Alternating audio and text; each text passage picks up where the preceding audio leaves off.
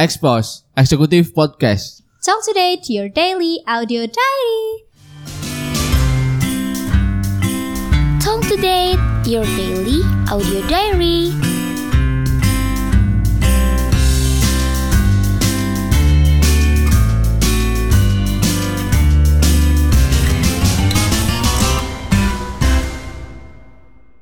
Hai, aku Nona, aku dari UBC Radio. Dan kali ini aku punya kesempatan buat nemenin host podcast BMKM Untidar. Tapi sebelumnya, kalau cuma aku yang ngomong nih hostnya, kita juga perlu kenalan sama tuan rumah dari BMKM nih. Jadi kita ada siapa nih? Oke, halo teman-teman semua. Ya, sebelumnya perkenalkan nama aku Lukman. Nah, jadi eh, pada kesempatan kali ini aku bakal mandu teman-teman semua buat tentunya buat dengerin podcast ya pada kali ini gitu. Nah, jadi nanti aku ke depan eh, bakal sama Nonis nih gitu. Cie, ditemenin sama aku iya, katanya. Mau dipanggil Mas? Aduh, dipanggil Aduh, Mas Lukman aja ya. Ya. Jangan sayang dong. Tapi nih, kita mau ngobrolin apa? Soalnya sekelas podcast BMKM, kalau pembicaraannya cuma standar-standar kan gak mungkin dong. Harusnya berbobot banget nih. Iya. Jadi kita mau ngomongin Nah, jadi uh, pada episode kali ini ya teman-teman kita tuh mau bahas soal uh, kekerasan seksual dan gender. Kira-kira apa tuh Nonis tuh? Aduh, gender tuh apa ya? Ah. Apakah gender tuh cowok sama cewek? Atau gender itu pemikiran masyarakat yang Nah. cowok harus gini, cewek harus gini? Gimana tuh? Kita Nah. butuh narasumber nggak kak? Bener sekali. Oke, jadi mungkin sebelum ke situ ya teman-teman. Teman-teman mungkin uh, pernah dengar ya ada konsep uh, kelamin, kemudian ada konsep gender. Nah, sebenarnya apa sih yang bedain itu semua gitu? Mungkin kalau kelamin sendiri kan itu uh, itu yang melekat dari lahir dan bawaan lahir gitu ya. Misal kayak Nonis ini cewek, Iya bener. Ah, aku cowok Ih masa? ya ya gitu terus a- ada lagi namanya tuh gender itu nah gender ini apa gender ini yang peran yang membedakan di ah, masyarakat gitu nah ini semua pengaruhnya dari lingkungan gitu nah lebih jelasnya kayak apa mungkin kita bisa nih ah, kepo-kepo lah selama beberapa menit ke depan mungkin kayak gitu sih Nonis Nah kita udah menghadirkan nih kak narasumber yang terpercaya. betul sekali Sepertinya cantik sekali. Karena ini Siapa tuh? cewek loh. siapa tuh Langsung ya. oke Dan ini nih mau kenal sendiri atau mau dipanggil? Aku mau dikenalin dulu Aduh, aja. Suaranya, oke. Mbak Nada, aduh Nada tuh bernada Iya, banget ya. Nonis. Apa dulu pas lahir langsung bernada, nggak ewek-ewek, langsung nyanyi. Aku nangis aku waktu itu langsung bagus sih suaranya. Aduh, pantas sih langsung nada ya. Mbak Nada apa kabar? Alhamdulillah baik. Aduh, udah makan? belum nih. Belum. Oke. Katanya Semua habis ini mau ditraktir Nonis ya? Iya, teman-teman yang dengerin podcast jangan lupa langsung habis ini ketemu Mbak Nada dibawain mau apa? Nasi Padang. Boleh, boleh. Boleh nasi Padang. Oke, Mbak Nada. Aku mau tanya dong. Iya, silahkan. Aku mau tanya Mbak Nada tuh siapa sih? Kenapa kok berani ke sini? Aku tuh sebenarnya cuma seorang mahasiswi Untidar yang punya aku pengen kasih tahu ke teman-teman semua mahasiswa mahasiswi Untidar tentang pemahaman tentang yang dibilang tadi tentang kesetaraan gender, kekerasan seksual. Mungkin banyak teman-teman yang belum tahu gitu. Ih, tujuannya sangat mulia ya, Mas. Betul sekali. Jadi mungkin teman-teman yang belum tahu ya. Jadi Mbak Nada ini sebelumnya em, itu masuk di BMKM Untidar gitu. Nah, di situ mem- membidangi apa tuh Mbak Nada? Kalau boleh tahu? Aku dulu sebagai Ketua Forum Perempuan Untidar, BMKM Untidar tahun 2021. Sebagai ketua, di situ aku punya teman-teman yang bantu aku juga buat ngasih pemahaman, ngasih konsep dan juga menaungi pada saat itu masih mahasiswi Untidar ya. Namun sekarang kan udah berubah namanya jadi Forum ya, Kesetaraan. betul sekali. Mungkin Betul. sekarang lingkupnya jadi lebih luas, Nah. jadi benar-benar ada kesetaraan gender antara perempuan dan laki-laki. Ih, keren banget. Nah, mungkin bisa diceritain dikit tuh kira-kira selama menjabat di forum perempuan nga- ngapain aja kah? Apa bikin gerakan apa kah? Gitu. Boleh, boleh. Jadi aku dulu di forum perempuan tuh ada beberapa bidang ya. Di situ aku ada uh, pemberdayaan. Di pemberdayaan itu kita memberdayakan perempuan. Uh, pada saat itu masih mahasiswi-mahasiswi gitu. Mungkin ada yang punya bakat terpendam kayak kamu yang suka berbicara dan aktif gitu kan. Terus Boleh. uh, bakat-bakat terpendam itu menjadi suatu kelebihan perempuan kan. Setelah, itu kami juga menangani beberapa kasus yang ada di Universitas Tidar gitu. Waduh, kasus. Ini Waduh, nanti kasus bisa apaan dibahas tuh? nih. Kasus apaan tuh? Lanjut dong. Ada pertanyaan lagi nih. Apa tuh? Menimbulkan Gimana? pertanyaan loh tadi jawabannya tuh. Kok punya background eh, interest yang lebih ke apa ya? Ke hal ini gitu. Mm-mm. Kesetaraan gender, kekerasan seksual. Kenapa kok bisa punya interest yang lebih ke hal itu? Aku punya interest tuh mungkin karena uh, yang menjadi tujuan aku ya. Mungkin banyak banget yang masih awam tentang kekerasan seksual sih. Masih awam. Apa pun dibilang kekerasan seksual atau masih belum mengerti tentang kekerasan seksual dan kesetaraan gender itu sendiri. Ih, aku hostnya setuju banget lagi. Gimana nih? Kita bikin sendiri yuk. Apa Mau tuh? ikut dong kesetaraan, forum-forum kesetaraan. Ih, siapa pun yang denger ini kalau tahu hostnya harus direkrut. Harus ikut forum kesetaraan. Lalu selanjutnya ada apa nih kak? Eh, tadi kan apa ya dari mana ada eh, ranah geraknya ya arah geraknya selama ini. Ya tadi lah soal isu-isu kesetaraan gender kemudian Mm-mm. kekerasan seksual. Nah sebenarnya sih menurut apa ya menurut mbak Nada sendiri gitu eh, konsep gender ini tuh apa sih gitu? Mungkin kayak gitu itu Menurut aku sendiri gender tuh sebenarnya secara tampilan fisik kan ada perempuan dan laki-laki ya. iya bener Namun kan uh, perempuan gak harus jadi laki-laki dan laki-laki gak harus seperti perempuan gitu. Ada laki-laki yang seperti perempuan dia suka bermake up, dia suka dansa, dia suka nari, dia suka ma- masak. Itu kan kadang suka dibilang, ih kamu laki-laki kok suka masak, kamu laki-laki kok make up sih gitu. Padahal menurut aku sendiri ya dari perspektif aku sendiri itu nggak apa-apa gitu. Terus ada perempuan juga yang tomboy gitu. Kamu kok perempuan sukanya berantem, suka misal taekwondo atau pencak silat gitu tuh sebenarnya menurut aku nggak apa-apa. Itu semua tuh setara gitu kalau secara gender. Tapi mungkin ada secara lahir kita dilahirkan sebagai perempuan dan laki-laki itu kan sudah beda ya. Perempuan bisa menyusui, laki-laki tidak gitu. Nah, ya baik. Mungkin ya tadi ya Mbak Nada apa kayak yang aku singgung di awal gitu. Adanya gender ini kan pengaruh dari lingkungan itu. Bener banget kita itu. tinggal. Mungkin eh, aku punya temen tomboy nih, dia bisa aja kepengaruh dari pertemanannya, Pertemanan. kepengaruh dari eh, keluarganya ataupun ya orang-orang di sekitarnya. Mungkin kayak gitu sih. Iya. Kayak gitu tuh nih, Gitu gimana tuh? Iya, kamu pernah nggak digituin nih? mikir soalnya. Mikir apaan? kayaknya kok kayak gitu ya. Iya, gimana tuh? Lingkungan aku A, aku ikut ke A, B ikut ke B. Eh, itu kayaknya aku yang nggak punya filter kehidupan ya. kayaknya aku harus belajar lagi nih. Belajar Iya. memfilter teman-teman aku. Kalian membawa pengaruh apa ke aku? Selanjutnya. Aduh, ini agak kita meluas ya jawabannya. Iya, betul. Latar belakang eh, kenapa sih kok ada kata kesetaraan gender? Jadi sebelumnya tuh ada permasalahan apa? Hmm. Atau mungkin sebab akibat atau gimana? Biasanya tuh kesetaraan mungkin dari dulu ya. Perempuan tuh tidak bisa contohnya nih tidak memimpin gitu. Kan kebanyakan pimpinan-pimpinan di Indonesia ini masih kebanyakan laki-laki. Ah, iya. sementara Iya, perempuan membantu gitu kan. Terus apalagi ya? Yang Ah. tadi kayak tadi masalah hobi dan yang lain-lainnya. Menurut aku tuh emang sebenarnya tuh nggak masalah gitu selagi kita masih ada di jalur kita Jadi itu lebih ke arah karena adanya ketimpangan ya kak ya. Jadi yang cowok harus gini dan harus lebih tinggi dari yang cewek gitu ya. iya Makanya jadi ada kata kesetaraan gender. Oke. Lalu selanjutnya ada pertanyaan Iya. apa lagi nih? Iya kayak gitu nih siapa?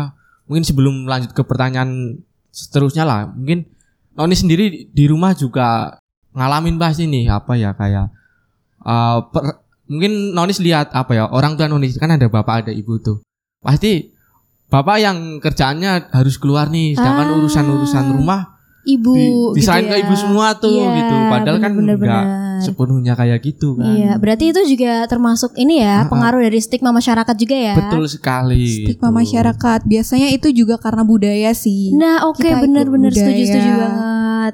Oke, terus eh gini, kalau ada kata kekerasan seksual merupakan bagian dari ketimpangan gender. Nah, itu setuju nggak sih dari Mbak Nada? Aku setuju akan hal itu. Ah, oke. Tapi definisi kekerasan seksual sendiri menurut Mbak Nada apa? Kekerasan sek- seksual tuh banyak ya, baik secara verbal maupun non verbal seperti fisik. Kayak kita dikatain, ih biasanya perempuan, ih besar banget tuh misalnya nih ya. Iya. Ayo Mas Lukman Gitu udah kan. pernah belum Itu tuh- gitu? Belum, Udah belum. termasuk sih secara verbal. Belum ini serius. Ya kok belum sih? terus terus Kak Lanjut, ada apa aja? Terus eh, kekerasan seksual tadi ya. Terus secara fisik mungkin dari KDRT, terus pemaksaan yang kita eh kamu mau nggak sama aku itu tuh merupakan dari kekerasan seksual menurut aku. Cuma Oh, jadi ajakan-ajakan yang ke arah itu memang Ke bisa arah. dikatakan sebagai kekerasan seksual iya verbal. secara verbal, Oke. tapi jika si korbannya ini nggak mau itu baru bisa dikatakan kekerasan seksual. Aduh. Dipaksa gitu. Iya, catatannya di situ berarti ya, Mbak. Bener. Kalau sama-sama mau, aduh itu beda lagi bukan kekerasan namanya ya. Iya. Memang gitu. mau have fun aja. Ayo Mas Lukman ketawa-ketawa kenapa nih? Enggak enggak gitu Merasa nih. tergambarkan Enggak kayaknya. enggak. Aku ketawanya tuh gini apa? Miris gitu.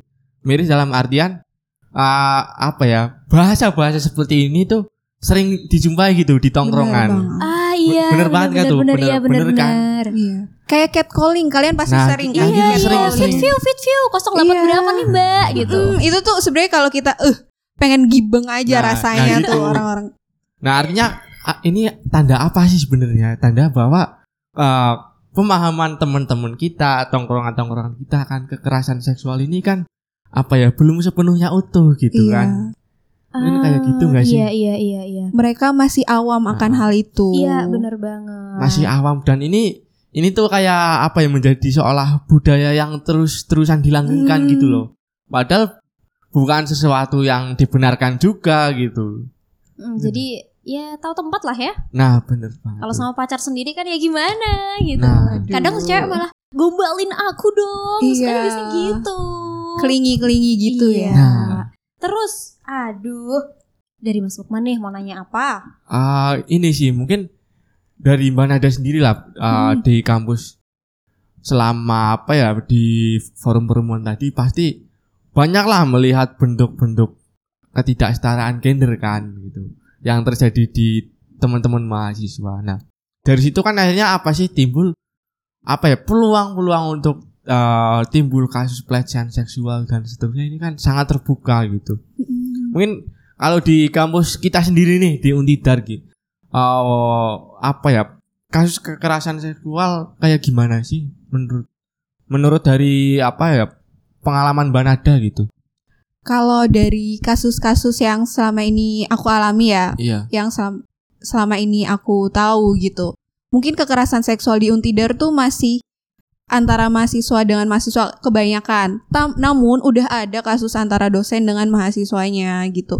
Kenapa sih bisa nih antara dosen dengan mahasiswa? Mungkin si dosen ini merasa dia punya kekuasaan, dia punya jabatan sehingga oh kamu harus kayak gini buat dapat nilai A misal Oke, kayak gitu. iya. Sehingga si penyitas ini si korban atau mahasiswa dia takut jadi oke aku mau nih sama si dosen gitu Berarti kalau dikatakan kekerasan seksual juga berkaitan dengan ketimpangan gender itu bisa ya? ketimpangan gender ketimpangan sosial sih Oh, oke, ketimpangan sosial oke. ya Soalnya biasanya kayak cowoknya tuh berani lebih kasar gitu Betul kan sih. Kamu kalau berani bilang aku mm, tendang gitu Iya. kan. nah iya sih akhirnya apa ya ketimpangan sosial ataupun relasi kuasa tadi ya Relasi nah, kuasa, relasi benar kuasa tadi banget. ini kan muncul karena pengaruh satu sama lain. Misal tadi nih dosen sama mahasiswinya gitu. Misal ada contoh lain eh, mahasiswa mahasiswa yang apa yang memiliki hubungan dengan eh, seseorang mahasiswi. Itu pasti kan ada relasi kuasanya di ada situ, relasi gitu. kuasa. Biasanya kebanyakan kejadian tuh seperti itu. Sehingga si mahasiswi si korban ini belum berani merapor. Nah bener. Hmm, gak berani speak up gitu ya. Hmm, masih Aduh. bungkam Masih kasihan ya. Terus selain ke bentuk kekerasan verbal dan non verbal, bentuk kekerasan yang mungkin eh, terjadi eh, paling paling gampang lah, paling sering terjadi kayak diawali dengan catcall lalu lalu selanjutnya apa? Kayak digrepe astagfirullahaladzim. Wah, sampai aku udah Apa sih- bayangin. apa Aduh, sih udah digrepe itu Grepe itu kayak itu loh, anggur, bahasa Inggrisnya anggur. Oh. Grip dong, nggak lucu ya. Saya berusaha melucu di podcast BMKM Untidar, tapi sepertinya anak-anak BMKM itu sangat serius ya. Ya. UBS sih, keluarkan aku dari sini. Teman. Jadi gimana tadi Eh, urutan-urutannya? Aduh, urutan-urutannya lagi. Step-step biasanya akan menjurus ke, ke kekerasan, seksual. Kekerasan biasanya tuh mulai dari si catcalling ini. Ini kita ambil eh, contoh kasusnya ya antara dosen dengan mahasiswi gitu kan. Antara dosen tuh biasanya kamu mau nilai apa gitu kan? Ka- eh, saya mau A dong pastinya gitu. Terus si dosen mulai kamu cantik ya, entah apa, dirayu-rayu seperti itu kan. Terus akhirnya sebenarnya mahasiswa ini takut, cuma Iya. mereka aduh aku harus apa masih belum berani gitu kebanyakan perempuan tuh belum ada dasarnya dia untuk melawan gitu kan belum berani terus mulai dari situ mulailah itu kayak yang mungkin seperti yang kamu bilang atau dari chat biasanya Ah, ya, kan ya. banyak banget kan sekarang yang ditemui dari chat terus mulailah cuma kayaknya belum sampai yang ke arah situ sih Oke. sampai seksual banget tuh belum Aduh, aku jadi kepo deh sama Mas Lukman. Gimana? aku punya gimana? pertanyaan nih. Bener nggak sih kalau kekerasan seksual di lingkungan kampus juga disebabkan karena pakaian mahasiswinya yang terbuka atau mungkin yang ketat-ketat, sengaja duduknya di depan biar ditengok sama dosen, gimana tuh? Atau justru di tongkrongan sengaja roknya dinaik-naikin? Aduh, gimana tuh mas? Ah, baik, mungkin ini pandanganku sendiri ya itu, Iya. pandangan sendiri. Jadi ah, kekerasan seksual ini kan ah, apa ya, tidak timbul dari pakaian gitu. Tapi itu timbul dari ah, pribadi masing-masing kita gitu.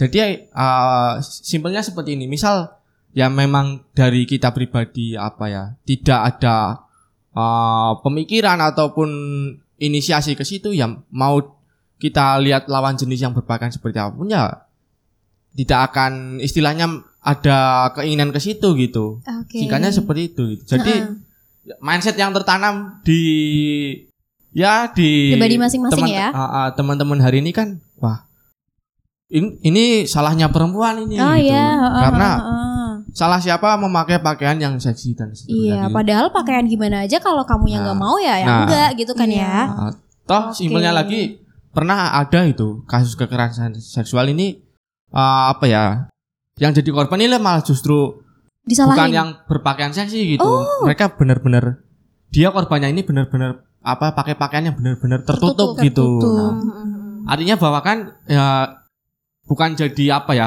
alasan lah pakaian tadi gitu Oke, jadi kalian terlalu kuno kalau mikirin pakaian sebagai alasan nah kekerasan singkatnya seksual. ya seperti itu gitu lah. Hmm, benar. Dan Oke. kekerasan seksual ini juga bukan dialami oleh perempuan juga, laki-laki Oh, juga pasti banget. mengalami. Heeh, kalau aku catcalling Mas Lukman itu kekerasan seksual ini berarti. Kalau bercanda nggak apa-apa sih, tapi Nah, kalau tergantung konteksnya Hmm, tuh konteksnya. Benar. Kadang kita cuma bercanda tapi ceweknya juga baper. Aku Baper. Nah. kekerasan seksual Iya. nih gitu. Eh tapi Mas Lukman gimana sama gimana Mbak Nada. Gimana sih caranya kita ketika dapat kekerasan seksual menurut kalian dari pihak cowok dan pihak cewek apa yang harus kita lakukan pertama kali? Apakah aku harus menangis kejer sambil showeran sambil basah-basahan terus aku nggak mau dikini atau gimana nih? Aku harusnya gimana pertama kalau aku sebagai korban contohnya? Yang harus dilakukan ko- korban itu gimana? Untuk siapa nih? mungkin dari dari, host? mana ada dulu Oke. nih Dari narasumber dong. biasanya kalau setelah kita dilecehkan nih, setelah kita dilecehkan pasti kita harus ngumpulin mental lagi biar kita berani speak up. Kita harus kumpulin mental dulu. Setelah kumpulin mental, kita mungkin bisa cerita ke orang yang kita percaya. Dari orang yang kita percaya mungkin kita akan sedikit lega nih karena udah berbagi gitu kan. Setelah itu tapi orangnya harus dipercaya, jangan yang apa-apa langsung di-share gitu kan. Ember banget tuh. Iya, diceritain di Twitter ya. Hmm, gitu. Terus setelah itu setelah cerita mungkin dari situ akan ada pendapat dari teman si korban dari orang yang sharing ini untuk kalau misalkan kekerasannya itu emang sudah berat itu bisa melapor ke mungkin dari yang Satgas PKS dari situ atau mungkin yang lebih misal ada visum gitu bisa ke apa tuh ke Iya, polisi ke gitu polisi. polisi Intinya terus bisa ditangani Komnas, ya? bisa ditangani Baik. gitu Dari Mas Lukman gimana nih? ya kurang lebih sama ya seperti yang tadi dibicarain Mbak Nada lah. Eh, ada banyak cara yang ditempuh gitu ya. Yang pertama ya tadi gitu. eh, Bukan mental ya. siapin mental gitu lah. Nah, nyiapin mental ini kan bermacam-macam caranya ya. Ya tadi bisa sama temen, kemudian jika butuh apa konseling ataupun psikolog. Ini kan sudah banyak sekali lah. Aku kira hari ini eh, psikolog yang apa ya khusus menangani kasus kekerasan seksual. Kemudian eh di kampus sendiri sebenarnya kan apa ya sudah ada perundang-undangan yang mengatur untuk adanya satuan tugas itu satuan tu, satu, satuan tugas uh, terkait penanganan kekerasan seksual tadi. Nah, di Untidar sendiri hari ini uh, masih dalam proses pembentukan. Mungkin kiranya ke depan besok bisa ke situlah mulai dari uh, apa penanganan dari psikologis untuk psikolog dan seterusnya kemudian ada jalur hukum dan Iya. dan sebagainya bisa ke situ. Kalau di BMKM sendiri nanti bisa nggak cerita-cerita ke teman BMKM, melaporkan ke teman-teman BMKM atau mungkin gitu? Oh, sangat bisa nulis, sangat bisa. Terbuka ya untuk Sangat teman-teman bisa. semua. Mungkin kalau teman-teman tahu di BMKM hari ini kan ada yang namanya forum kesetaraan tadi gitu. Mm-mm. Nah, silakan uh, teman-teman bisa ke situ gitulah. Uh, ya tidak harus ada kasus dulu baru ke situ gitu. Teman-teman bisa diskusi soal gender, bisa diskusi soal KS dan seterusnya. Karena apa? Uh, KS ini kan sangat terbuka akan terjadi itu, baik di pertemanan ataupun ya di mana pun kita berada. Apalagi ruang ruang seperti kampus ini kan uh, ya perlu kita waspadai bersama. Iya. Kayak gitu. Jadi pembahasan mengenai hal-hal seperti ini sudah tidak menjadi hal yang tabu lagi ya. Ah, Tapi harusnya justru kita gitu. sediakan forum. Bener Jadi memang banget. kalian juga diskusinya nggak ngalor ngidul aja, juga ada dasarnya dan banyak teman-temannya pastinya. Terus Mas, ada apa lagi nih? Mau nanya apa nih? Iya sih. Mungkin ini Mbak Nada dari pengalamannya Mbak Nada kemarin lah di forum perempuan ya. eh, penanganannya kayak gimana sih dari teman-teman yang mungkin ada laporan ataupun laporan. gitu. Oke. Pertama setelah kita menerima laporan nih, kita akan konsul dulu, kita beri pemahaman, kita pokoknya kita dengarkanlah cerita si korban ini. Setelah itu merupakan kasus yang berat atau dia ingin diminta bantuan hukum, dilanjut ditindaklanjuti, kita minta bantuan ke LBH seperti itu sih. Apa tadi? LBH, Oh, lembaga LBH. bantuan hukum Oh, gitu keren atau banget. banyak kok yang lembaga-lembaga yang untuk membantu kita dari kekerasan seksual tuh banyak ada TP2 TP2 K2S Aduh, apalagi itu banyak kok. Komnas HAM gitu-gitu Ah, jadi memang sudah ada perundang-undangannya ya Mas. ada undang-undang juga sebagai landasan kita untuk Oke, kalau dari Mas Lukman nih, waduh ini agak keras tapi boleh dipertanyakan Gimana ya? gimana gimana? Betul. Apakah kampus sudah melakukan penanganan dengan baik untuk korban dan pelaku sejauh Nah, ini? Eh, mungkin apa ya? Ya sejauh pengamatanku ya hari ini mungkin beberapa kemarin sudah ada dari eh, kampus ya peran gitu peran dalam artian eh, gimana sih melindungi para korban ataupun ya menyelesaikan kasus ini. Kan tapi ya walaupun sudah ada kontribusi dan seterusnya ya perlu kita perlu kita desak ke depannya lah karena hari ini sudah ada Permendikbud Permendikbud terkait ya tinggal gimana kita bisa memahami itu dan kita mengawal implementasinya gitu ke depannya. Oke, jadi kayak gitu ya penanganannya. Iya, Nah, betul. Pokoknya yang pertama eh, sehatkan mental dulu setelah mengalami Iya. kekerasan seksual. Lalu yang kedua tadi apa? Berani speak up. ke berani speak orang-orang up. sekitar. Lalu nanti bisa ada banyak penanganan yang akan diberikan Iya, mulai dari, pihak konseling. kampus tuh pun juga udah mulai terbuka ya. Hmm. BMKM juga ada forumnya. Terus ini nih yang terakhir. Kita mau penutupan ya udah panjang banget kita. udah ya lama Gak banget ya. haus? Haus dong. Habis ini nasi padang. Yeay. Iya lagi. Oke, dari Mbak Nada. Hmm. Aku mau dong quotes of the day. Aduh, pesan-pesan mengenai kekerasan seksual ataupun kesetaraan gender nih. Bukan quotes ya ini seperti kalimat yang panjang mungkin kalau Iya, dari aku ya Silakan silakan. Eh, buat perempuan-perempuan di luar sana, eh, cobalah berani. Terus lindungi diri ka- kalian jika kalian sudah terlanjur terkena pelecehan atau kekerasan seksual. Berani speak up, jangan bungkam karena mungkin dari suara kalian kalian akan melindungi korban-korban lain. Keren banget. Mas Lukman ada kesan pesan? Ah, ini sih mungkin aku ya ingin memberi apa ya ya bersama-sama bersama-sama lah membangun semangat sama teman-teman yang lain gitu bahwa uh, isu soal kesetaraan gender, isu soal uh, kekerasan seksual ini tidak semata-mata apa ya diperjuangkan oleh uh, oleh perempuan, Perempuan saja. gitu bahwa uh, isu ini itu merupakan isu kemanusiaan gitu. Dengan adanya apa ya kita masih mempertahankan uh, budaya-budaya patriarki budaya-budaya ketidaksetaraan gender ini justru malah sering kali apa ya memberatkan peran dari uh, laki-laki gitu dalam sehari-hari. Misal contoh tadi gitulah uh, apa ya bahwa yang terstigma hari ini bahwa uh, laki-laki ini kan harus bekerja di luar rumah dan seterusnya. Perempuan yang harus di harus di apa harus di rumah mengurusi urusan domestik. Mm-mm. itu kan tidak sepenuhnya seperti itu gitu. Bahwa ya mungkin ada kalanya laki-laki ini memang tidak bisa untuk keluar rumah gitu. Entah alasan apa pun itu gitu. Sehingga mengharuskan uh, si perempuan yang keluar rumah jadi uh, apa ya dengan stigma yang begitu kuat akhirnya kan justru menjadi apa ya pressure sen- tersendiri gitu salah satu contohnya seperti itu Oke. Aduh, terima kasih Mbak Nada. Terima kasih untuk Mas Lukman juga menemani Ya. host. Eh, saya yang nemenin Mas Lukman ya. Terus intinya eh dah barusan saya lagi mikir tiba-tiba saya harus bikin kesimpulan sekarang karena penutupan. Intinya kita harus berani speak up ketika mendapatkan kekerasan seksual. Terus kita mulai untuk terbuka pikirannya terbuka. Aduh, Iya. gemeter lagi barusan ya. Open mindset. Iya, Nah, betul begitu. sekali. Terus eh, kesetaraan gender harus kita tegakkan. Waduh, Iya. jangan ada yang menindas satu sama lain. Kita tetap BST begitu. Terima kasih Mbak Nada untuk hari ini. Terima kasih Mas Lukman. Terima kasih. Dan terima kasih pendengar apa Mas? Expos expose eksekutif podcast dan Ya. find yourself and express your soul.